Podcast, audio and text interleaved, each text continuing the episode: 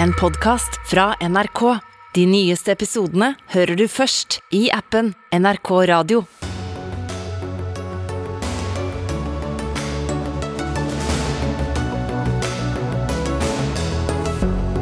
Langt flere velgere vil ha Erna Solberg som statsminister enn Jonas Gahr Støre. Men uh, ville det vært så annerledes?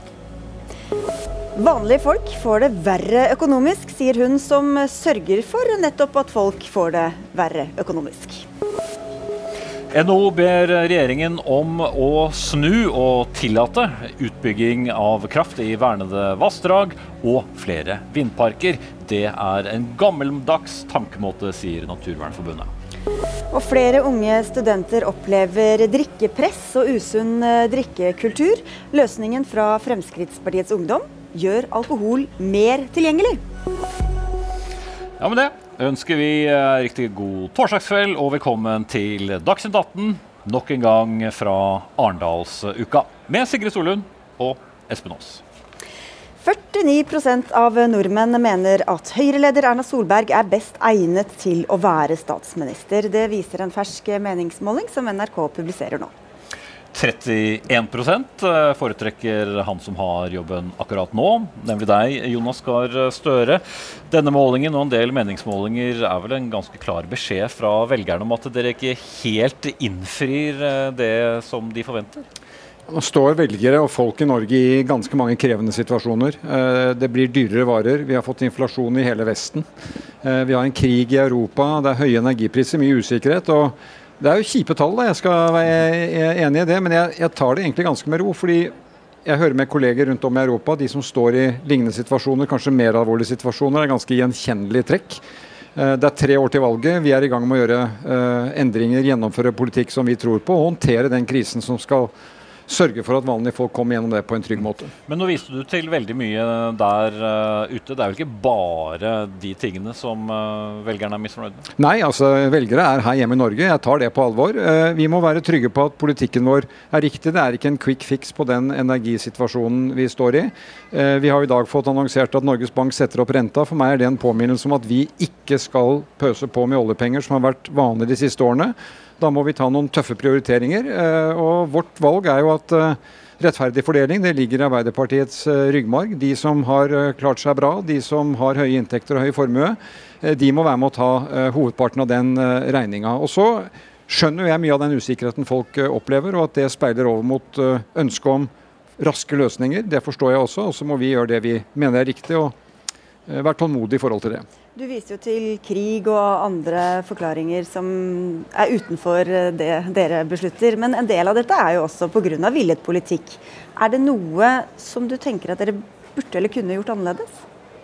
På hvilket felt eh, Nå tenker vi på kraftsituasjonen, energi, eh, energisituasjonen. Altså, vi har jo et kraftsystem i Norge som inntil eh, for et drøyt år siden ga Norge gjennom mange mange år stabile, lave priser for bedrifter og for folk. Så har vi et væravhengig kraftsystem, så når det er lite regn, lite nedbør, så har vi behov for å importere kraft. Det er en utveksling som ligger i det. Og nå er det altså en kjempekrise i Europa. Alt dette kommer på samme tid. Så svaret er egentlig nei, da? Det kunne ikke vi gjøre så, med, gjøre så mye med, men det jeg tror vi uh, minnes på nå, det er at vi må ha bedre ordning for å sikre at vi har fylling i vannmagasinene våre. Vi kan ikke gå med på at de synker så lavt at det blir kritisk. Det gjør regjeringen noe med nå. Og så tror jeg vi må bli enda bedre i landet vårt på energiøkonomisering. Vi er vant til å tenke på at det er uendelige mengder energi. Det er det ikke. Og da må vi gjøre mye tøffere valg både i næringsliv og i familier, slik at det er attraktivt og lønner seg å spare på energi. Men mange lurer på hvorfor vi måtte komme helt til august før dere innså det. Mange har jo sagt det lenge. Bør vi ikke uh, vurdere hvor mye kraft som skal uh, eksporteres uh, ut av landet? Bør vi ikke følge enda mer med på nivåene i vannmagasinene? Vi har jo eksportert veldig lite i år. da. under 3% av produksjonen av kraft i Sør-Norge er eksportert. Og nå når vi har gitt tydelige signaler, så er det ikke eksport så å si fra vannmagasinene. Det kommer fra alle elvene som ellers renner i havet, og det er bra. Men som sagt, under 3% av produksjonen av kraft i Sør-Norge går for eksport. Og nå fylles de vannmagasinene opp. Men dette er en helt klar utfordring for et land som er avhengig av været. Uh, og Det er jo derfor vi i mer enn 60 år har hatt en utveksling med nabolandene våre, slik at vi kan få kraft utenfra når vi trenger det, og så kan vi bidra ut når når de trenger det. Ingen grunn til å endre det? Jo, det er grunn til å se på det, om de trenger justeringer, sånn som vi gjør nå. Ingen av disse systemene Dette er jo et gjennomregulert, politisk villet system. Og da må vi inn og kunne gjøre justeringer underveis. Det gjør denne regjeringen. Alt fra strømstøtteordningen til husholdninger til det vi nå gjør med vannmagasinene. Vi er også villige til å gjøre mer, men vi skal være veldig forsiktige med å kaste nå på båten en stor kraftsituasjon som har tjent Norge så godt i så mange år, før vi har veldig gode svar. Høyre-leder Erna Solberg, dere kan kose dere med gode målinger eh, om dagen. Men når det gjelder akkurat det feltet vi er inne på nå, er det egentlig noe Høyre ville gjort annerledes enn det regjeringa gjør? Ja, hvis Høyre hadde sittet i regjering, så hadde det vært en eh, støtteordning til bedriftene. Det foreslo vi i januar. Vi tok til orde for det allerede før jul i fjor. Og så foreslo vi det i Stortinget i januar. Og så, Da foreslo vi innenfor de reglene som da eksisterte i EU, en ordning som kunne vært. Nå er reglene i EU endret pga. Ukraina-krisen. Det betyr at det er mulig å gjøre noe mer. Og Derfor har vi tatt til orde for at nå må vi lage en større pakke som også når små og mellomstore bedrifter. Og eh, hver gang vi har foreslått det, så sier regjeringen vi skal eh, se på, vurdere og følge situasjonen nøye. Problemet er at det er syv måneder siden eh, de altså stemte ned de forslagene som vi fremmet. og Det hadde vært en forskjell. Men på det store kraftsystemet så har det altså tjent oss bra i 30 år. Folk har lavere kraftpriser i snitt i de 30 årene enn de hadde før vi fikk det kraftsystemet vi har i dag. Og det har også bidratt til at vi til tross for lave priser i Norge har klart å bygge ut mer kraft. De siste årene så har det vært bygget ut betydelig mer kraft, og vi ga f.eks. Eh, konsesjoner til, eh, til 16 TWh i løpet av vår periode. Noe er bygget, noe er under bygging. Det betyr at vi får mer kraft inn. Mm. Men uh, denne strømstøtten til bedriftene, den kommer jo. Så det er jo bare snakk om tidsperspektiv her, da, eller? Men, men hvis jeg får lov til å si, jeg, jeg, jeg, vil si veldig klart at vi har vært skeptiske vi til det. Fordi at det å, uh, Vi har en arbeidsdeling i vår blandingsøkonomi hvor bedriftene må ta ansvar for priser som går opp og ned. Og det de gjør på strøm, er jo at de forsikrer seg med lange kontrakter. Uh, det er en fastpriskontrakt, jo. Men ikke sant? vi så gjennom koronaen hvordan brede støtteordninger endte i lommene på de som eide bedriftene. Vi er villige til å gå inn og se på ordninger som sikrer arbeidsplasser, men jeg er ikke villig til å bruke masse mer penger nå, som kan drive opp prisene, bidra til et stort problem. Så, så den vil drive Nå henter altså staten og fylkene og kommunene som eier kraftverkene inn milliarder fra norske små og mellomstore bedrifter. Penger som ikke var planlagt skulle inn i budsjettene, ikke var meningen at man skulle dra inn. Meningen var at de egentlig skulle være der ute og trygge arbeidsplassene, bidra til ny utvikling av nye produkter, men nå hentes det inn. Og da mener jeg det er helt rimelig, akkurat som med oss forbrukere, at de små og mellomstore bedriftene kan få noe av dette tilbake igjen i en støtteordning. Og så har jeg lyst til å understreke én ting. Det er altså sånn at disse pengene ikke bør brukes på å øke offentlige utgifter, planlegges inn, sånn som regjeringen faktisk har gjort i runder nå i revidert nasjonalbudsjett, hvor vi brukte 5,4 milliarder kroner mindre for å bidra til at presset på renten ble mindre. Men vi må jo ta det tilbake igjen til disse bedriftene. For dette er bedrifter som står for mye av sysselsettingen rundt omkring i Norge. Og dette er bedrifter som aldri hadde fått et tilbud om fastpris, sånn som systemet har vært før. Okay, men, da skal jeg si to ting. Vi uh, gjør nå ordninger som gjør at flere kan tegne fastpris. Det er viktig. Da trenger vi å endre på skattesystemet. Mm. Og så sitter vi nå for å se på ordninger, men jeg vil være veldig trygg på at de er treffsikre. At de ikke går til feil side. og Derfor så jobber vi nå tett med LO og NHO, som er partene i arbeidslivet som kan dette, og så skal vi se om vi kan komme opp med en løsning som kan få flertall i Stortinget. Og I mellomtiden så sitter det folk som ikke tør å sette i gang produksjon og på enkelte områder fordi de ikke vet om de kan betale strøm. Har flere spørsmål. vi har flere spørsmål til dere, men det er det faktisk flere som har. Vi skal få inn eh, en eh, som vi har eh, hanka opp fra brygga, ikke fra vannet, men fra brygga, heldigvis. Katrine Karlsen, du har et spørsmål. Hva er det du lurer på fra politikerne? Ja, jeg kommer jo fra Lofoten og har jo nå de siste årene eh, bodd i storby og tatt uh, utdanning og nå fått meg jobb i, i hovedstaden. Um, men jeg kunne jo tenkt meg å kanskje flytte hjem en eller annen gang. Uh, men dessverre så er det jo sånn at det er ikke eh, jobbmuligheter for min del eh, oppe i nord. Det er ikke det på mindre steder, og det vet jeg også gjelder veldig mange andre unge. Eh, og da lurer jeg litt på hvordan, altså hva kan man gjøre for å skape gode jobb- og vekstmuligheter for unge som ønsker å flytte hjem kan til du, distrikt. Kan du si hva det er du har utdannet deg til, og hva du jobber med? Eh, nå er jeg forretningsutvikler og er trainee i skatteetaten. Kjenner du noen som eh, er ute etter Men jeg, for det første så håper jeg på at det du nå sier lykkes. Det er enorme muligheter for arbeid i nord. Eh, vi må utvikle den landsdelen på grunnlag av naturressursene, Lofoten, alt som er mulig der. Legge til, legge til rette for at det å starte virksomhet der uh, fungerer. Mye av dette har også med kraft å gjøre. Det er store planer nå for utvikling av industri i nord bygget på det at det er tilgang på fornybar kraft. Så vi vil det er jo En av våre mål er å bremse, stoppe sentraliseringen. Legge til rette for at det blir verdiskaping, jobber i nord. Og Lofoten bør ha det beste utgangspunktet, så jeg heier på deg at du skal få til det. Heier, vi får se hvor langt du kommer med det. Ja. Jeg tror, jeg tror, det er viktig å si at uh, det er utrolig mye talent og muligheter i nord. Det som av og til mangler seg kapital. Derfor foreslår vi å sette i gang arbeidet med å lage et, uh, et investeringsfond i Nord-Norge som kunne bidra til at man investerte i gründerbedrifter, drifts, driftes derfra. Passer inn i det du jobber med, for å være helt ærlig, da. Uh, så, som det ligger tett på. Og så er utgangspunktet at vi må ha private bedrifter. Vi må ha gründerskap, vi må ha folk som skal utvikle nye, nye, nye produkter. Og vi ser jo at de stedene i Nord-Norge, og i Distrikts-Norge for øvrig, som virkelig har det, de går godt og klarer å rekruttere folk.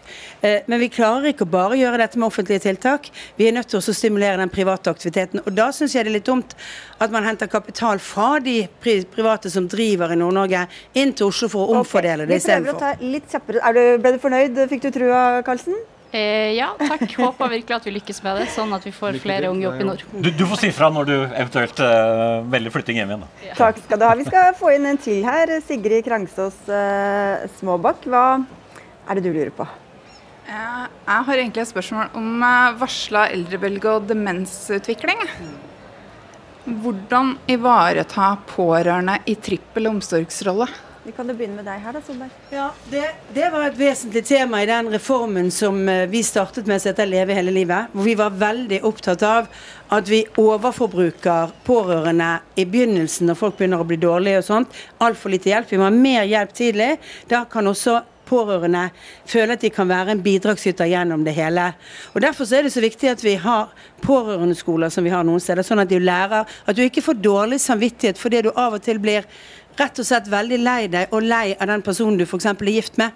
Fordi at det blir så vanskelig i samlivet når den ene blir dement, at du har noen å snakke med, at vi bidrar med den typen avlastning. Så det er mange av de tingene. Så jeg mener jo at dette er ekstremt viktig, fordi at pårørende har en så viktig rolle, men i dag misbruker vi det, rett og slett. Og de blir utslitt, større mange av dem. Ja, eh, altså, jeg skal si at jeg har vært pårørende i sånn situasjon selv. Jeg, jeg vet hvor mange uh, mennesker som sliter med det. Også det jeg er enig med det Erna Solberg sier, det må vi sette søkelys på. Men så blir det jo slik med demensutvikling at du trenger omsorg, du trenger hjelp. Uh, og da er vi tilbake til noe så grunnleggende som at kommunene som har ansvar for dette, må ha økonomi kapasitet og metoder for å ta godt imot så det er trygt. Det er veldig forskjell på trygt og utrygt, det ser man i forhold til demens. Og da er vi over på noe som er en kjempeutfordring for oss fremover. Vi kan få dobling av antall mennesker med demens eh, i de årene som kommer. Det er en del med aldersutviklingen. Så det vi nå gjør med å kartlegge hva trenger vi av helsepersonell, hvordan trenger vi å utdanne folk slik at det er nok mennesker Det jeg erfarte når jeg besøkte på sykehjem det var Hvis du er så heldig å komme på sykehjem? Da? Hvis du er heldig å komme på sykehjem, vi må ha nok plasser og økonomi til det. Og at det er folk som kjenner deg, at det ikke er nye folk hele tiden. Så det er, en, det er en stor utfordring vi har, og jeg vil gjerne gi liksom, anerkjenne det som folkehelsen gjør. De som, de som er ute og, og, legger til rette for at du kan komme inn og hjelpe tidlig. Slik at du klarer så lenge som mulig å bo hjemme. Men det øyeblikket du trenger hjelp uh, som er heldøgns, så må vi ha både kapasitet og dyktige folk til det. Takk skal du ha for at du kom. Det er jo en eh, dag som handler mye om økonomi og, og rente. Sentralbanksjefen kommer hit om noen minutter. Men Jonas Gahr Støre, i et intervju med VG i dag så varsler dere også at uh, dere kommer til å ta um, mange upopulære uh, avgjørelser og skal bruke mindre penger fremover. Hva er viktigst å prioritere ned? Ja, la meg si det sånn at det vi må dekke inn nå, det er jo denne store strømstøtteordningen. Og da er jo dette med at eh, det er mange strømselskaper som har tjent mye penger. Vi kan uh, gjøre grep der. Vi har Ukraina-flyktninger, vi har forsvar. Vi har en del store utgifter uh, vi må dekke inn. og Det mener jeg skal gjøres på en rettferdig måte. Jeg har ikke tenkt å gjøre det ved at vi går inn da og kutter i de tjenestene som er viktigst for vanlige folk. For butikkmedarbeideren, for renholderen, for hjelpepleieren. Nei, men hva vil du ta? Nei, Jeg vil iallfall begynne med å sørge for at de som nå har tjent godt, De som har høye formuer, og de bedriftene som har tjent veldig godt i denne tiden, de må nå bidra mer. Men du sier også at de som tjener over er det 750 000 skal skatte mer. Eh, Attpåtil mens man da får høyere utgifter over hele linja. Hvorfor er det rettferdig å øke skattene Nei, samtidig det vi har sagt er at høyere? det er slutt på den linjen at det er de med mest som skal få kuttene. Nå skal de under 750 000 betale like mye eller mindre. De med høye formuer kan bidra mer etter de årene vi har hatt bak oss. Men så er det jo da deler av det norske næringslivet nå som går veldig godt, delvis fordi at mange av disse prisene er høye. Eh, De kan bidra mer, og det vil du se i det budsjettet. Du har sikkert kommentarer til det, her, sa Erna Solberg, og dette skal dere sikkert snakke mer om på partilederdebatten senere i dag. Men vi snakket jo om eh, demens, men hvis vi ser på en helt annen del av livet. I går så sa Une Bastholm at hun trekker seg som leder av Miljøpartiet De Grønne, fordi hun klarte ikke Jeg vil veldig gjerne få lov til å svare på politikk. Jo, men det var- altså, jeg- eh, ja, ja vel. nei, altså For å være helt ærlig, vi må, vi må Altså Jeg har respekt for, og jeg tror det er en vanskelig situasjon å gå inn i et budsjett med de utgiftene vi har. Men eh, det er jo sånn at I revidert nasjonalbudsjett så brukte regjeringen 5,4 milliarder kroner mer enn det vi gjorde i vårt alternative budsjett. Det har en betydning for hvordan presset på renten er fremover. Så det blir interessant å se hva regjeringen kommer med. Vi må utsette noen ting. Det er en ting vi ikke kan gjennomføre like raskt. Men jeg hører noen signaler fra regjeringen at det de skal kutte på i budsjettene, det er de tingene som gir oss vekst fremover. F.eks. at de skal kutte i veibygging, de skal kutte i forskning. De skal kutte i de tingene som vi egentlig bruker oljepenger til, som vi sa vi skulle sørge for at vi skapte vekstgrunnlag for fremtiden av. Og da tenker jeg vi må holde igjen litt bredere enn det. Og det er spent når budsjettet kommer. Ok, Da får du få svare på det, da, Støre. Nei, men uh, her har jo vi uh, ulike tilnærminger. Altså Erna Solberg har jo de årene hun har gjort, brukt mer oljepenger ved hver eneste korsvei. Jeg sier klart for at det kan vi ikke.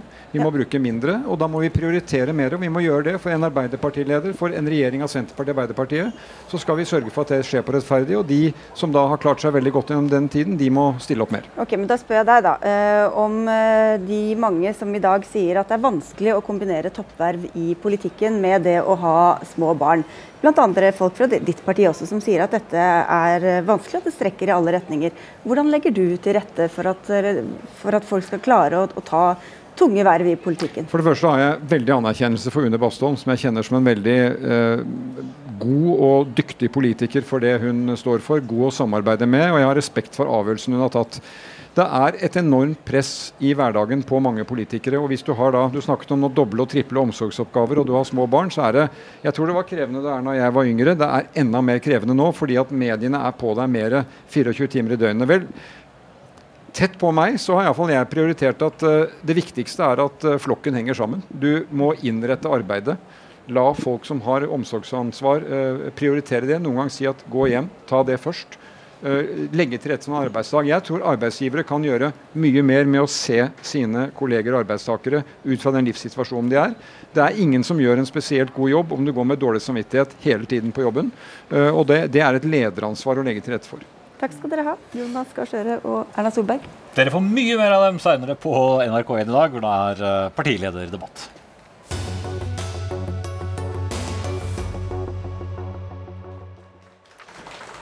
Ja, klima, klima og mer klima. Ja, for det var det viktigste temaet for velgerne under eh, fjorårets stortingsvalg. Tenk. Det viser den nye valgundersøkelsen som ble gjennomført av dere ved Institutt for samfunnsforskning, der du er forskningsleder, Johannes Berg. Vi hørte jo etter valget at dette ble ikke noe klimavalg, men ble det det likevel? Det kan virke sånn. altså Det vi er opptatt av, er å studere velgerne og hvilke saker velgerne var opptatt av. Og, og svaret fra velgerne, eller fra 30% av velgerne, er at klima var den viktigste saken. Og, det var topp, toppsaken da for velgerne. For hvilke velgere? For eh, velgere i byene i større grad enn folk utenfor byene. For folk med høy utdanning i større grad enn de uten høyere utdanning. Men egentlig for, eh, på tvers av disse gruppene. Så selv Vi har også sett på folk med uten høyere utdanning som, som eh, prioriterer denne saken omtrent like høyt som sine andre eh, favorittsaker. Da. Men det slo da ikke ut som en del hadde forutsett på, på forhånd i ett parti, nemlig Miljøpartiet De Grønne. Da det partiet falt under sperregrensen, så ble det konkludert med at nei, nei, man var kanskje ikke så opptatt av klima, men folk gikk heller til andre partier. Ja, det er helt riktig. Og, og har jo, Det har jo alltid vært utfordringen til MDG, at vi har også andre klimapartier eller miljøpartier i, i, norsk politikk. Det gjelder SV og det gjelder Venstre. Men i dette valget også faktisk Arbeiderpartiet tok en del av de velgerne, og ikke minst det nye da, partiet Rødt, som, som, gjorde det spesielt eh, godt. Så disse klimavelgerne de var på bevegelse kan du si, mellom de rød-grønne partiene, og ikke så mange havnet hos eh, MDG som det de hadde håpet. Når du nå har dukket ned i disse tallene, hva er det som har overraska deg? Det som kanskje overrasket meg mest, er, at pandemien Dette var et valg som ble gjennomført halvann, etter halvannet år med pandemi. Men det, denne pandemien hadde ikke noe effekt på velgernes stemmegivning, i hvert fall når vi spør velgerne. Vi, vi har spurt 1500 eh, velgere, kun syv av de nevner pandemien som en viktig uh, sak. Så, så uh, fraværet av pandemien er nok det, det, mest overraskende. Og det er jo også relatert til uh, på en måte ønsket om et regjeringsskifte. Altså Den sittende regjeringen hadde høy troverdighet når det gjelder håndtering av pandemien, men det var ikke den saken velgerne fokuserte på, de fokuserte på andre ting. Mm. Du ville videre, ferdig med pandemien. Men dere rangerer jo da de sakene som velgerne er mest opptatt av, og, og på topp tronet altså miljø. Uh, og så var det et ganske langt hopp til neste, men hva var det som da fulgte etter miljø? Det som fulgte etter var skatter og avgifter, som jo er en, en sak som omtrent alltid har en viss betydning i, i norsk politikk, særlig da for uh, eh, Frp og Høyres uh, velgere. Så det 18% nevnte den saken, mens sosial ulikhet, som jo på en måte er litt relatert til skatte- og avgiftspolitikken, kom mye høyere enn en tidligere. Så dette var et valg hvor partiene på venstresiden hadde et godt uh, utgangspunkt. Eh, klima, miljø og sosial ulikhet var høyt på agendaen. Nå hadde vi akkurat uh, lederne i Høyre og Arbeiderpartiet her, og de velgerne deres de blir likere og likere? De blir likere og likere, det, det, det, er riktig. Vi har jo i valgundersøkelsen eh, forsket på dette i 65 år. Eh, vi har data tilbake til 1957. Eh, den gangen så var det store forskjeller mellom disse partienes velgere.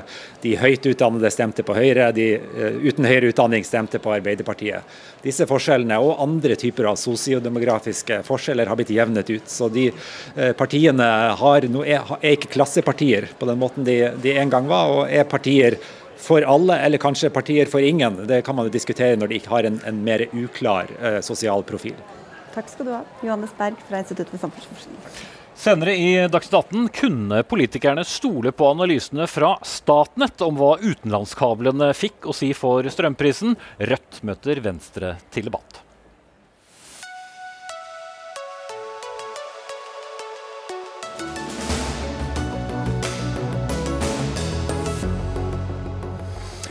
Ja, alle med boliglån. Da får dere enda litt mindre å rutte med fremover, da, etter at Norges Bank i morges valgte å sette opp styringsrenten med et halvt prosentpoeng nok en gang. Og med det har den norske styringsrenta økt mer på to måneder enn på mange mange år. Det er elleve år siden renta var så høy som den er nå. Og dersom eh, du synes det begynner å bli dyrt å ha lån, vel, du får være forberedt på mer. For Ida Wolden Bakke, sentralbanksjef, eh, slik det ser ut nå, så er dere ikke ferdig med å øke renten? Det er riktig at vi eh, signaliserer i dag at styringsrenten mest sannsynlig vil bli satt videre opp i september. Mhm. Men når skal dette begynne å virke? Når forventer du å se resultater? Folk har begynt å betale ganske mye mer i måneden nå, i tillegg til at kjøpekraften også er begrenset av et høyt prisnivå. Ja, det er riktig at mange husholdninger vil få en strammere økonomi nå som uh, prisene vokser raskt, samtidig som uh, renten stiger. Nå er det sånn at Renten virker med et visst tidsetterslep, så, så de fulle virkningene har vi ikke sett uh, enda. Når kan vi se det? da? Det er det vanskelig å gi et presist uh, svar på, men uh, det tar tid før vi ser de fulle virkningene. Når det er sagt, så uh, hadde vi nok ventet at dersom, dersom, vi ikke hadde satt opp renten, som vi jo begynte med i, i fjor høst, Eh, så hadde vi nå sett enda høyere press eh, i norsk økonomi og mulighet for høyere prisvekst. Og kanskje også en, en svakere krone som hadde gitt høyere prisvekst. Og, og også muligens høyere boligpriser. Hvor mye og hvor fort kan renta gå opp uten at mange folk faktisk begynner å få skikkelige problemer? De fleste norske husholdninger har økonomi til å eh, betjene høyere renter på lånene sine. Så skal vi huske at arbeidsledigheten nå er svært eh, lav. Eh, at en stor andel av befolkningen har en jobb å gå til, og det er, er gledelig. Husholdningene kan tilpasse andre utgifter, de kan tære på oppsparte midler. men vi har selvfølgelig eh, forståelse for at eh, for noen så kan dette bli krevende. Men det som er viktig, er at vi nå ved å heve renten noe raskere, da reduserer vi faren for at prisveksten biter seg fast, som igjen kunne gjort det vanskeligere å få inflasjonen ned eh, senere, og som kunne gjort at vi hadde måttet trådt kraftigere til med renten, som kunne utløst et økonomisk tilbakeslag. Men Har dere sett noe særlig effekt av de økningene vi har hatt? Som sagt, så uh, uten at vi kan tallfeste det, det presist, så tror vi at bl.a. det at vi har signalisert at renten skal stige, at det har uh, hatt betydning for, for boligmarkedet, uh, for, for, kronekursen. Og ja, vi tror at presset i økonomien kunne vært enda høyere dersom vi ikke hadde hevet renten gjennom det siste året. Som statsminister Jonas Gahr Støre var inne på innledningsvis, så er det jo veldig mange ytre faktorer også som påvirker oss. Det er krig, du har kraftkrisen i Europa. Og da er det jo mange som lurer på hvorfor i all verden skal du da få noe å si uh, for norske priser at uh, vi får mindre å rutte med her, når det er så mange forhold som ligger utenfor våre grenser som påvirker? Ja, Det er helt riktig at eh, deler av den prisoppgangen vi nå ser, den skyldes forhold utenfor norske, Norges grenser. Eh, internasjonale eh, varepriser, energipriser, eh, fraktpriser som har steget mye. Eh, det er forhold Norges Bank ikke kan eh, påvirke.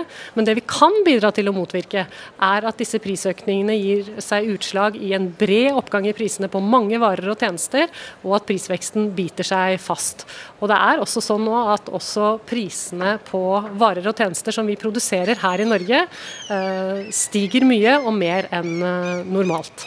Og det har jo bl.a. sammenheng uh, med at det er lite ledig kapasitet i norsk økonomi, uh, og at det er stor mangel på arbeidskraft uh, i mange bransjer. Norske huseiere har jo mer lån enn veldig mange andre. Godt over tre ganger årsinntekten er gjennomsnittslånet som nordmenn har. Når begynner det å bli skummelt å ha så høye boliglån etter hvert som renten klatrer oppover? Norske husholdninger har mye gjeld, og gjelden har økt mye de siste årene. Som jo gjør at renteøkningene får en større virkning på og griper sterkere inn i husholdningsbudsjettene enn de gjorde tidligere. Og Det er jo også noe vi legger til grunn i våre prognoser. Eh, så, så vi legger jo til grunn at, eh, at eh, høyere renter, høyere låneutgifter, vil bidra til å dempe husholdningenes konsum, og at det også vil ha en dempende effekt på boligmarkedet fremover. Mm. Men uh, er dere også forberedt på å se at uh, ikke alle lenger klarer å betjene lånene sine? Eh, som sagt så har vi forståelse for at kan, de tilpasningene man må gjøre i økonomien kan være krevende for noen, men de fleste husholdninger har økonomi til å tåle noe høyere renter. Ok, Takk skal du ha, sentralbanksjef Ida Wolden Bakke. Takk skal dere. Ja, den renteøkninga den ble vel som de fleste eksperter og kommentatorer eh, hadde regna med. Og fra å være i en situasjon der vi til stadighet snakket om historisk lave renter, er vi nå oppe på et rentenivå som ikke vi har eh, sett siden 2011. Eh, Cecilie Langen Becker, du er økonomikommentator i NRK. Du kaller det sentralbanksjefen gjør for sjokkterapi. Hvordan da? Nei, det, er, det, har jo gått uh, veldig fort, og det har gått mye fortere enn man hadde sett for seg på forhånd. Bare i juni, uh, altså rett før vi tok sommerferie, så varslet Ida Wolden Bakke at enten skulle opp med 0,25 prosentpoeng i august, og så kom det da dobbelt rente opp nå til. To dobbelt rente opp på rad. Kanskje kommer et tredje dobbelt rente opp. og det er jo Det skyldes jo disse ekstremt høye prisene, og vi fikk jo også nye pristall i sommer som har gjort at Ida Wolden Bakke har tatt frem liksom de store adjektivene og liksom de store ordene når hun eh, snakker i pressemeldingen i dag, og bruker eh, sterke ord som hun vanligvis ikke gjør. sånn at det er klart at eh, Hun ønsker også å gi markedet denne sjokkterapien. Hun ønsker også at vi rett og slett skal få dårligere råd. Det er egentlig hele poenget med disse rentehoppene, selv om det for mange nok kjennes litt urettferdig. Mm. Olav Skjønn, eh, senior porteføljeforvalter i, i Storebrand. Eh, hvor dramatiske grep er det sentralbanken eh, tar i bruk nå, hvis vi ser det over tid, og ser da flere tiår med, med inflasjon og for så vidt oppgang i, i norsk økonomi? Det er dramatisk, fordi det er et inflasjonsbilde som vi ikke har sett på 40 år. Hvis du ser på det internasjonale bildet, og Norges Bank er jo ikke unik her. Den amerikanske sentralbanken som er førende for alle sentralbanker, har jo hevet trippelt to ganger, og kanskje skal eh, gjøre det videre også. Så det er et eh, baktest man ikke har sett på 40 eh, år når det gjelder inflasjonspress. Men hovedpoenget her er jo egentlig at økonomien har nådd taket. Og det beste målet på at økonomien har nådd taket, er jo den rekordlave arbeidsledigheten. Og det ser vi er et globalt fenomen i Norge, i Europa, i USA. At det fører til en potensiell lønns- og prisspiral. fordi selv om du har høye energipriser, så er det sentralbankene bekymret for, er at du får en lønnsvekst som igjen da fører til at bedriftene må øke uh, utsalgsprisene. Og da er vi en gang med en spiral som fører til at uh, inflasjonsankeret løsner. Cecilie, Vi hørte jo at sentralbanksjefen uh, tror at de fleste har råd til dette. Men vet vi noe om hvor mange som kommer til å slite ordentlig? Nei, og så er det jo sånn som dere sa innledningsvis, 10-11 år siden vi har hatt disse rentenivåene vi har nå. Og på den tiden så har jo altså så har vi jo lånt enda mer penger i forhold til inntekten vår. sånn at uh, Man har jo ikke noe helt presise tall på hvem som kommer til å, å slite. Uh, men det er jo klart at de som har minst fra før av nå, det er jo de som merker prisveksten aller best. Det er de som bruker størst andel av eh, inntekten sin på, på å kjøpe de helt elementære tingene. Sånn at eh, de kjenner nok kanskje på en liten grad av urettferdighet eh, nå. De kan heller ikke gjøre så veldig mye med inntekten sin dersom man går på trygd eller er lavtlønnet. Sånn at denne prisveksten bidrar jo også til å øke forskjellene blant folk. Og det er jo også noe Ida Wolden Bakke var inne på tidligere i dag også, at det også er jo en av grunnene til at det er så viktig å få ned prisveksten prisveksten, fordi det også rammer kanskje de aller svakeste. Mm. Ja, for Det er jo litt av poenget her. Altså Norges Bank styrer etter det som heter et inflasjonsmål og skal holde prisene i sjakk. Og jo raskere de får uh, prisveksten i sjakk, Olav Skjenn, uh, jo mer kontroll får vi da av prisbildet. Og, slik sett, hvis det fungerer, så vil folk få det litt lettere igjen. Absolutt. Inflasjon er jo uh, noe folk flest ikke ønsker. For det reduserer jo kjøpe kraft eh, betydelig. Og det er som Cecilie sier her også, det er kanskje de som har eh, lavtlønte spesielt, som kanskje bruker mest penger til mat, energi og andre forhold.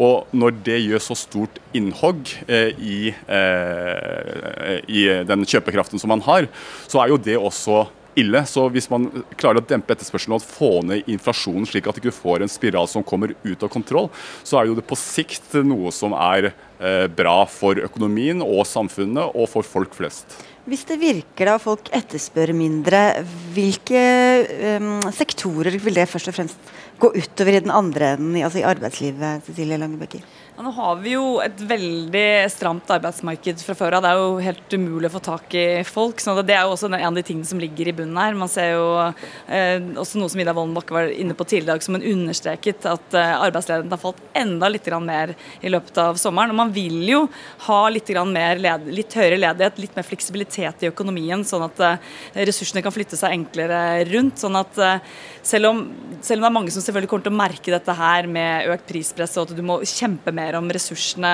om det gjelder arbeidstakere eller hva, så er det jo alt i alt så vil man jo få ned presset i økonomien. Og det gjelder jo for så vidt alle bransjer. at man, man, Det er ikke bare noen steder man ønsker å dempe. Det gjelder deg og meg, og det gjelder egentlig alle bedriftene også. Mm. Ida Wold Bakke er jo ikke alene om å ha denne oppgaven nå. Andre europeiske land gjør det samme, Olav Skjenn. Men så er det ikke slik at alle hever renten like mye eh, samtidig? Hvor viktig er det f.eks. For, eh, for Norges Bank å ligge kanskje litt i forkant for eh, andre vestlige land? Det gjør jo at man får en mer en si, glattet eh, bane. Når uh, Cecilie nevner sjokkterapi, ja, det er jo det her i Norge som en trippelhevring i USA er jo enda større sjokkterapi. Så Norges Bank begynte jo ganske tidlig, og ros for det.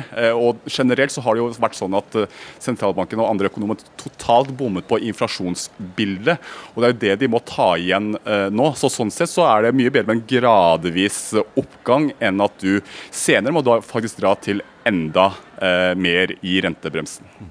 Men det får også betydning for verdien på den norske kronen. Alt henger jo sammen. så jo tidligere ute Norges Bank er med å holde rentenivået høyt, så kan det også presse kronen opp, som, som Olbakke var innom. Og det kan være en bra ting. Ja, Da blir det jo billigere for oss å importere varer, og da får vi jo lavere da, importert eh, prisvekst, som også mange har vært opptatt av at uh, det kunne vært en grunn til å ikke heve renten så mye fordi vi har hatt høy importert uh, prisvekst. Sånn at Det vil være i så fall en positiv ting, ja. Men selvfølgelig for andre næringer, for eksportnæringen f.eks., så er det ikke så positivt. Mm. Med disse muntre ord så takker vi dere av Cecilie Lange Bekker, økonomikommentator i NRK, og Olav Skjeden, senior porteføljeforvalter i Storbrann.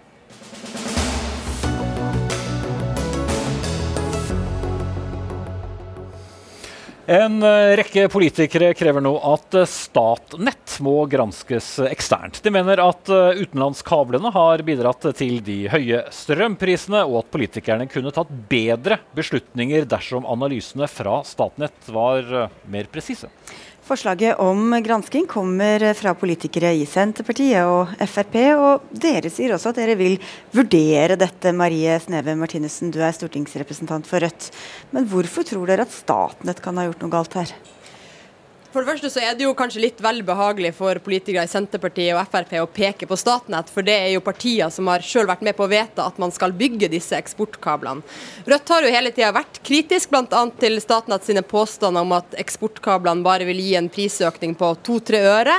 Og Nå står vi altså her i en priskrise som, eh, ja, som, har vokst seg større og større for hver dag. Og i dag har vi altså prisrekord på fire kroner at strømstøtta er betalt. Så det er klart at det er noe vi må finne ut av hva som har på seg skjedd. Jeg mener kanskje hovedansvaret her ligger på politikerne. Eh, men som en del av det så kan vi også, eller bør vi også se på den rollen som staten har hatt i å levere beregninger. Men helt frikjent er ikke politikerne.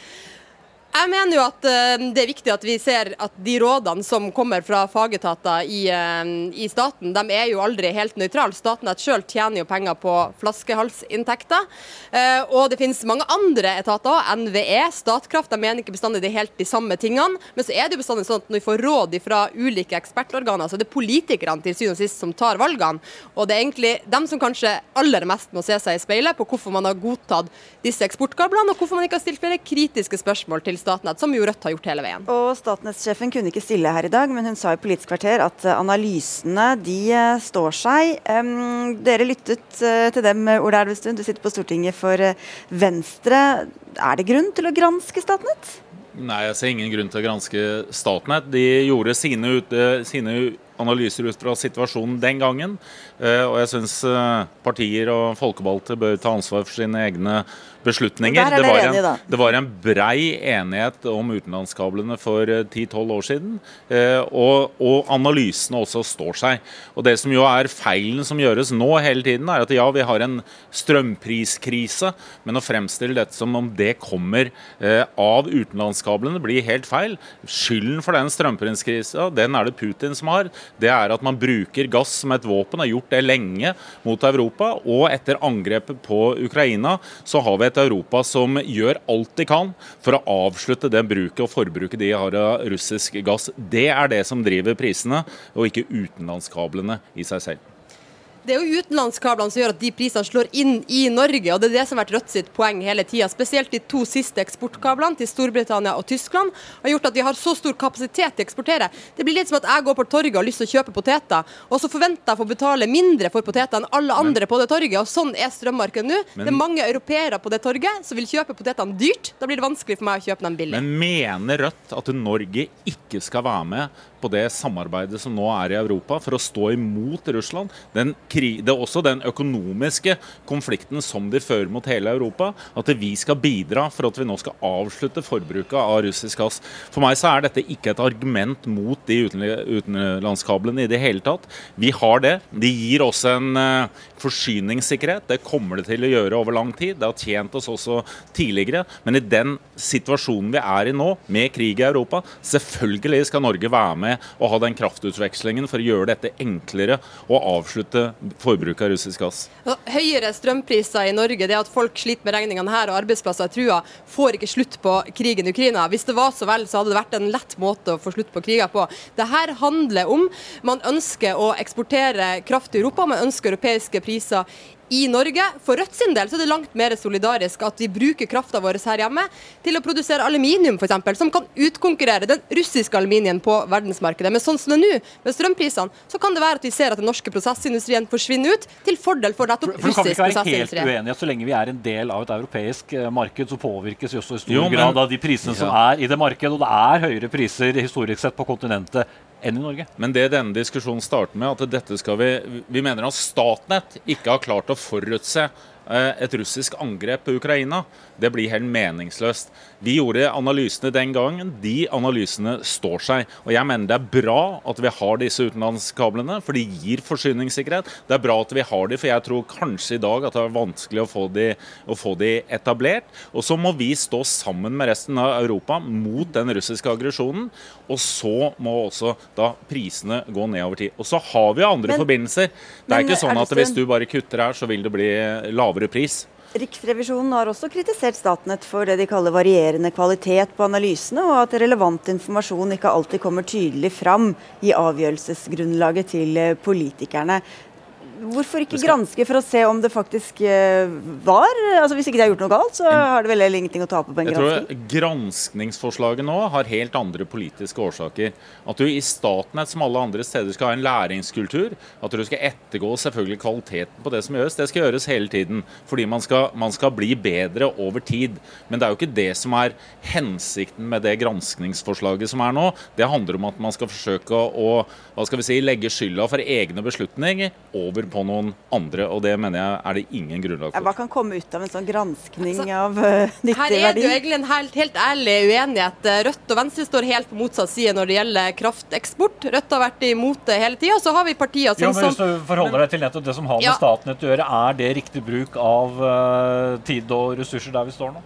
Det Rødt mener er at vi er nødt til å se på hvordan vi har havna her vi er nå, i den vanvittige strømpriskrisa vi har nå. Den Tidligere denne uka her så har både Ola Borten Moe i Senterpartiet og Frank Sve i Frp tatt delvis sjølkritikk for beslutninga de har vært med å ta på å bygge disse eksportkablene.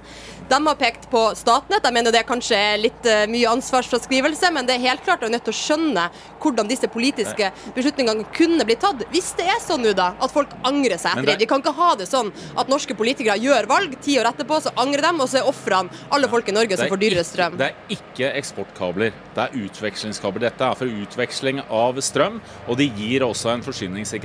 Og Spørsmålet er hvis Rødt ikke vil ha den utvekslingen, være en del av det samarbeidet som er i Europa, så vil vi måtte bygge ut mer norsk natur. Vi må ha mer utbygging også i Og- Norge. Og da er spørsmålet er det det Rødt ønsker. Vi har kraftoverskudd i Norge og eksportoverskudd. Det skal vi diskutere senere. Yes, det skal vi. Ja. Takk for hintet, Ola Elvestuen, og takk til deg, Marie Sneve Martinussen.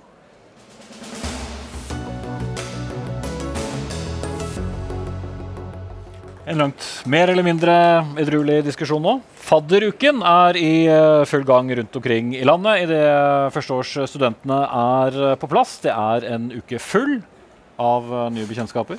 Og ofte ganske mye alkohol. Mm. Mange studenter som kjenner eh, på drikkepress eh, derfor, og usunn drikkekultur i introduksjonen til eh, studietiden. Én av fem studenter lar være å delta på studentarrangementer fordi det drikkes for mye alkohol, viser studentenes helse- og trivselsundersøkelse. Likevel da vil dere gjøre alkohol mer tilgjengelig, Simen Velle, leder av Fremskrittspartiets Ungdom. Hva er logikken? Nei, altså For det første så har jeg lyst til å si det at selvfølgelig er drikkepress negativt. Og det er ingen som ønsker at folk skal føle seg presset til å drikke.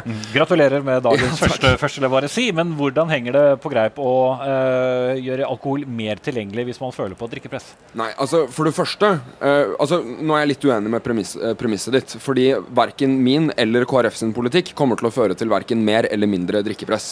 Det eneste som ville kanskje løst dette problemet, er et totalforbud mot alkohol. Og det tror jeg både KrF og vi er helt enige om at det er en dårlig idé.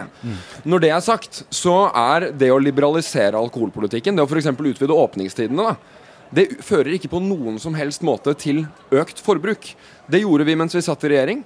Vi utvidet åpningstidene. Det var en regjering som KrF var med å støtte. Og tall fra FHI mellom 2012 og 2020 viser tydelig at utvidede åpningstider de førte ikke til noen utvidet bruk i det norske samfunnet.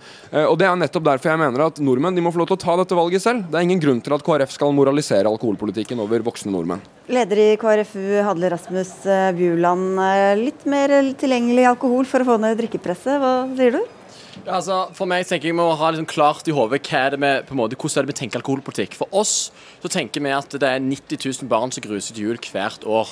Da tenker vi at det er viktig at vi sørger for at det er de vi skal ta kampen for når vi skal utforme alkoholpolitikken. Og Da er det noen prinsipp som handler om at alkoholpolitikk først og fremst er helsepolitikk, og ikke hvordan vi skal tjene best mulig penger. Og Da er det tre sånne hovedlinjer i norsk alkoholpolitikk som vi vil slutte oss opp rundt. Det er vinmonopolordningen, det er reklameforbudet og det er alkoholavgiftene. Samla sett så er de tre tiltakene der det viktigste for å klare å holde nede et minst mulig skadelig alkoholkonsum i landet vårt nå.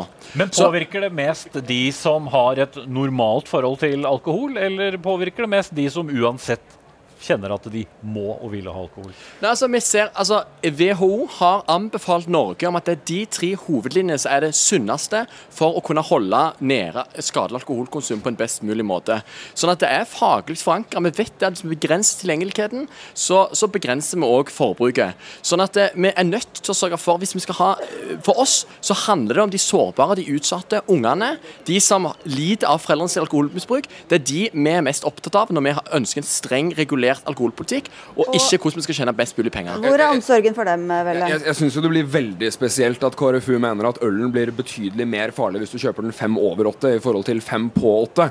Altså, Alkohol det er et lovlig solgt produkt som selges i butikker over hele landet. og Jeg syns det er veldig spesielt at KrFU mener at uh, voksne nordmenn ikke er i stand til å ta ansvarlige valg på egen hånd. Og bare la meg si, si det veldig tydelig. Jeg syns heller ikke det er bra at barn gleder, nei, gruer seg til jul.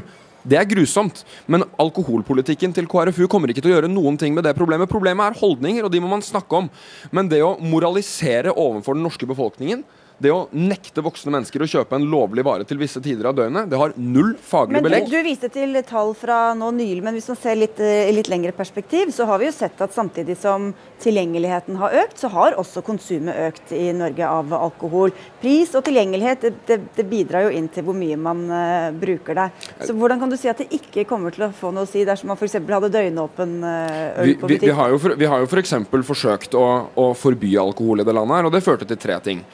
Alkoholen ble dyrere, alkoholen ble farligere, og det problematiske misbruket gikk betydelig opp. Det, det jeg mener, er at voksne mennesker i, Nor i Norge skal få lov til å kjøpe en lovlig vare når det passer dem selv. Og så kan vi selvfølgelig ta en prat om det problematiske misbruket, men jeg har null tro på at, at eh, det å enten innskrenke eller utvide åpningstiden, eller skru en avgift litt opp eller ned, kommer til å gjøre at det kommer færre eller flere alkoholikere i det landet her. Det som er viktig for meg, det er at vi selvfølgelig skal snakke om det problematiske misbruket, men det problematiske misbruket, det blir faktisk ikke rørt, verken Ja, av å Bjørn, som det ble påpekt, så ble jo åpningstidene på Vinmonopolet for eksempel utvidet mens dere satt i, i regjering. Har det ført til uh, Ja, Det store var forslag som vi var mot, og på grunn for vi var mot det, det er fordi at det, det er summen av de tiltakene. Du kan alltid trekke ut ett av tiltak i, i alkoholpolitikken vår og og flåse med det, men det er summen Nei, det var ikke flåsing, det var et reelt spørsmål fra min side nei, om det det var har til- påvirket Det var det til FPU som, som, som lanserer eksempel om én time fra eller til.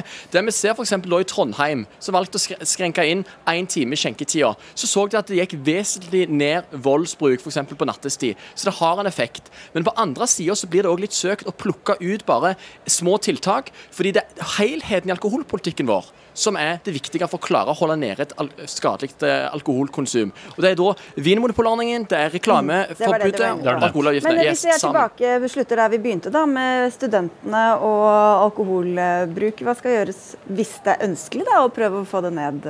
Nei, jeg, jeg mener for det første at uh, mennesker over 18 år som har lov til å drikke alkohol, skal få lov til å drikke alkohol, også i fadderuken.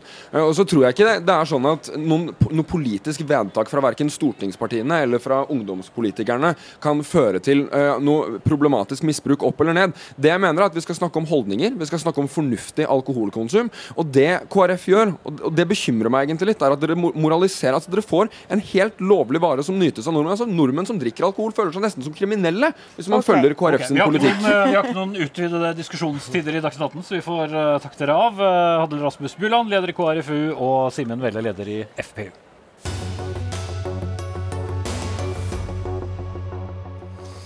Ja, og mens vi eh, for kort tid siden hørte at det er en viss uenighet om hva utenlandskablene har å si for prisene på strøm, så er det også uenighet om kraftutbygging her hjemme, Sigrid. Ja, nå må regjeringa på ny vurdere søknader om utbygging som har fått nei, enten det dreier seg om vindkraft på land, vindkraft til havs eller utbygging av vernede vassdrag. Og Det er ikke du og jeg som ber om dette, naturligvis, men eh, NHO og, og, du, Ole Erik Almlid, hvor du er administrerende eh, direktør. Hvorfor skal vurderinger som har blitt gjort for bare kort tid siden, ikke lenger gjelde? Jeg tror vi må ta inn over oss at vi kommer til å ha kraftmangel i stor grad framfor oss. Vi har en debatt som går nå om vi skal ha strømstøtteordninger og hjelpe folk gjennom den krisen vi har nå. Vi kommer til å ha høyere priser foran oss hvis ikke vi bygger ut mer kraft.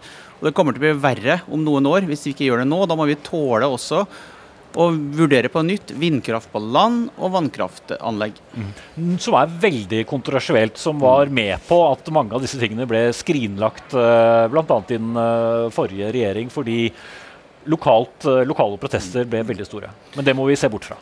Jeg tror vi må være litt ærlige med oss selv. For vi kommer til å stå foran en kraftmangel som gjør at vi kommer til å ha høye priser for husholdningene. Vi kommer ikke til å ha kraft til bedriftene. Og vi skal ha en stort grønt skifte med mange tusen arbeidsplasser foran oss som vi skal skape. Da trenger vi kraft, og vi trenger å ha kraftproduksjon i Norge som gjør at vi kan være konkurransedyktige. Og Da må vi også tåle inngrep, men vi skal være skånsomt. Og det skal gjøres i godt samarbeid med bl.a. lokalbefolkningen.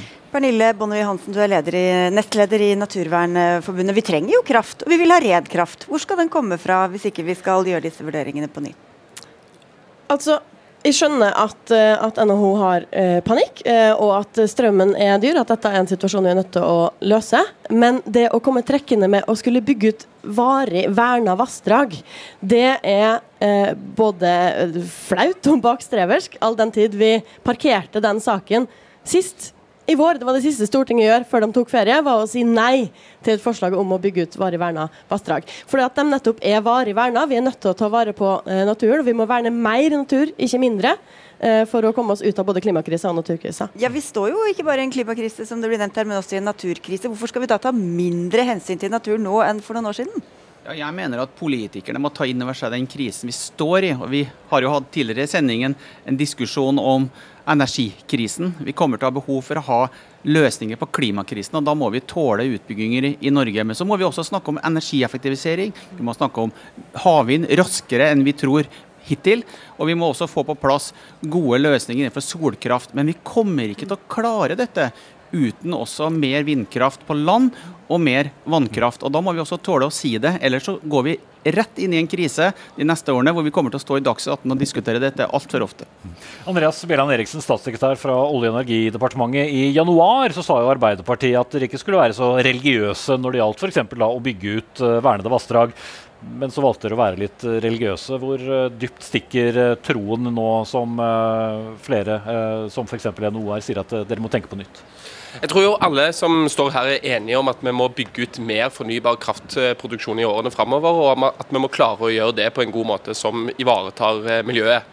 Så har jo NVE eh, eh, vært ute og sagt at eh, en eventuell skånsom utbygging av verna vassdrag kun vil gi noen få terawattimer terawatt-timer med ekstra fornybar kraftproduksjon. Så det er nok ikke der det store potensialet ligger. Det store potensialet ligger på havvind, på sol, på energieffektivisering, på oppgradering av eksisterende vannkraftanlegg, og ikke minst på vindkraft eh, på land. Og Det er jo eh, kanskje de områdene der vi må rette innsatsen. Men, og Sistnevnte har jo vist seg å være fryktelig kontroversielt og blitt skrinlagt. Og man har også fått nye runder fordi utbygging, bl.a. Fosen, har bydd på ganske store problemer, eh, så er det riktig å kjøre nye runder på det?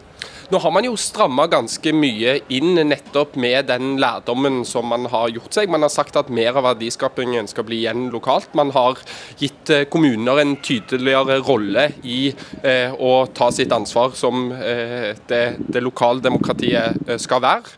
Eh, sånn at vi eventuelt får eh, tilslutning lokalt til den type prosjekter. Og jeg tror at vi bruker de erfaringene på en måte som klarer å hensynta både behovet for mer kraft og for å ivareta miljøet på en god måte. Det er viktig. Og så lenge natur, nei, lokalbefolkningen ikke vil ha det, Almli, hvor skal det bygges da? Jo, men Vi må ta inn over oss at det går for sent. er helt enig egentlig med begge to her at vi må ha alt det vi snakker om, men vi må ha mer enn det. Det er ikke nok. Og vi må være ærlige mot oss selv og si at det er ikke nok, det må gå raskere. Og så må det gå raskere også på behandling av konsesjoner. Jeg hadde en samtale i dag om vi skal strekke noen nett til Morrow-fabrikken like oppi her. Og det tar åtte måneder før, få, før, man får en saksbehandler i NV, så det går for seint. Og vi går i møte en krise som kommer til å være veldig alvorlig både for husholdningene, bedriftene og ikke minst for de grønne arbeidsplassene vi skal skape. Og Da må vi tåle mer, og det må vi være ærlige om. Ja, Hansen, hvor mye kan vi tåle? Vi har altså ingen natur å miste, vi står i en naturkrise. Og det som i hvert fall går for seint, det er satsinga på energisparing og energiøkonomisering. Og det eh, er både NHO sin eh, forpliktelse, mener jeg, på vegne av eh, sine medlemsorganisasjoner. Dere har medlemsorganisasjoner og medlemsbedrifter som er gode på energisparing, og som kan gi dere gode råd til å lage en slagkraftig plan på det. Og jeg mener også at regjeringa må gjøre mer og komme mer på banen eh, med en kraftfull pakke som, som, hjelper folk, gjør det enklere å spare, gir eh, folk de pengene de trenger for å spare, og gir oss også kunnskap om hva vi alle kan gjøre, for det er veldig masse. Og Du var jo selv inne på at dere ønsker strømstøtte. men er det ikke nettopp det motsatte dere burde hatt for å drive mer effektivt da, eh, og bruke mindre energi og senke etterspørselen snarere enn å holde den ved like dersom eh, dere skal få støtte til å bruke energi som før? Jeg er helt enig. Vi må ha energieffektivisering, og vi må ha støtte til at bl.a. næringsby kan ha solkraft. Det må vi ha, men vi må si også, og være ærlige, at det er ikke nok. Vi må gjøre mye på en gang. Jeg vil mye heller ha energieffektivisering enn strømstøtte. Det er bare et plaster på såret. Det kommer til å gå over på et tidspunkt. Vi må ha varig reduksjon av etterspørsel gjennom energieffektivisering, men vi må også ha mer kraftproduksjon i Norge. Det minste onde av alle er jo energieffektivisering, Eriksen. Hvorfor ikke legge mer opp til det? Jo, det er jeg kjempe for. Og på mange av de områdene som nevnes her, så er vi jo i gang med et taktskifte i denne regjeringen. På energieffektivisering så har vi jo sagt at vi kommer med en plan for hvordan vi skal realisere 10 TWh med energisparing i bygg innen 2030 i forbindelse med statsbudsjettet i år. Og så vil jeg jo si at på alle disse andre områdene med kraftproduksjon, så gjør vi jo i tillegg mange ting. Det er bare et år til vi etter planen skal ha tildelt første runde med havvind. Vi gjør viktige regulatoriske grep på sol. Vi har starta opp igjen konsesjonsbehandlingen på vind. Og så er jeg helt enig i at vi òg trenger mer ressurser. Ja, det har gått for sakte i Norge. Det tror jeg vi må være helt ærlige og si. Eh, og Det er en lærdom denne regjeringen eh, har tatt. Eh, og Det er òg grunnen til at vi har gjort mange ting det siste året for å få fortgang, og de tingene skal vi fortsette med framover. Men vi kan ikke starte dette med å si nei til mer vannkraft og nei til mer vindkraft på land. Vi må si ja til alt sammen. Da vil vi kunne løse energikrisen. og Det må gå fort, og det må være utgangspunktet at vi skal senke prisen til husholdningene, senke prisen til bedriftene, og vi skal skape grønn industri. Da må vi ikke si nei nå. Det må vi si ja til alt sammen. Men hvor mye natur er du villig til å ofre, da? Jeg mener at dette går fint an å gjøre godt, godt samarbeid med lokalbefolkningen. Ta det tett til industrianlegg. Det er fullt mulig å gjøre dette som i andre land på en fin måte. Men vi kan ikke starte med å si nei. Vi må tåle utredningen og vi må tåle å se mulighetene. Og det er jo ikke like ødeleggende overalt uh, å, å sette opp et vindkraftverk eller solcellepaneler? Altså, eh, Problemet i Norge er jo at vi, vi har valgt å eh, bygge veldig eh, masse av denne fornybare energien vi bygger i natur. Eh, ødelegge og rasere natur, der eh, man skaper maks konflikt og, og maks ødeleggelse, istedenfor å gjøre det mest miljøvennlige, som er altså å jo, spare men alt så masse vi, vi kan. Vi får ikke noe ny kraft. Altså, vi får jo mer, mer kraft. Ja, frigjør kraft, men det er jo ikke nok til å holde på å, å elektrifisere alt som skal elektrifiseres. Vi kommer veldig langt hvis vi eh, oppnår det potensialet vi har på energisperring. Men ikke nok, uh, Eriksen. Altså, løsningen til Naturvernforbundet, ville, ville den fungert i praksis? Nei, altså Det å energieffektivisere alene vil jo ikke gi oss nok kraft i den fornybare framtiden og den elektrifiseringen vi skal gjennom de neste årene. Og Det er jo en av grunnene til at regjeringen har pekt på at vi trenger en samla plan for produksjon, distribusjon og bruk av kraft i Norge. Da kan vi vekte miljøhensyn og behovet for mer fornybar kraft, behovet for energieffektiviseringstiltak på en god måte. Og Det tror jeg er løsningen når Men vi ser framover. Når Almlid sier at uh, få opp uh, farten, hva er da realistisk uh, tidspunkt hvor du kan vise til at se her, her har vi bygget opp ny kraftproduksjon som tilfører oss mer energi. Nei, det må vi jo jobbe for hele tiden. Vi vet jo at... Det skjønner jeg jo at dere gjør, men man må ha et mål? Ja, vi har, vi har, jo mange mål. For, 30 gigawatt-målet for havvind i 2040 er jo ett mål, men der har vi jo mange delmål i tillegg. Tildeling allerede neste år. Ja, Det er mange år til hele målet skal være realisert, men vi skal gjøre veldig mange skritt på veien, og det skal vi gjøre så fort som vi bare klarer vi må huske på at Statnett har sagt at fra 2026 så er det kraftunderskudd i Norge. Da kommer vi til å ha helt andre debatter i Norge. Vi må ta det inn over oss, så må vi begynne nå. Dette er langsiktige prosesser. Det må gå raskere. Så mer lokal åpen- overkjøring også? Unnskyld? Mer lokal overkjøring? Jeg tror at dette kommer til å bli veldig annerledes debatt nå når vi ser hvilke priser vi har foran oss. og Da tror jeg vi klarer å gjøre det i godt samarbeid, men vi må også tåle å si til folk at nå er det tide, på, tide for å løse klimautfordringen, sikre arbeidsplasser, og da må vi også tåle litt mer inngrep. Ok, da var det sagt. Det var sagt. Eh, Vi får rydde og pakke sammen. Det var vår siste sending her eh, fra Pollen i Arendal i denne omgang, eh, Sigrid. Ja, det var det. I morgen er vi tilbake fra studio på Marienlyst. Med Sverre Tom Radøy i studio, ansvarlig for denne sendingen. Anne Katrine Førli, Hilde Tosterød tok da det tekniske. Og her i studio sto Espen Aas og Sigrid Solund.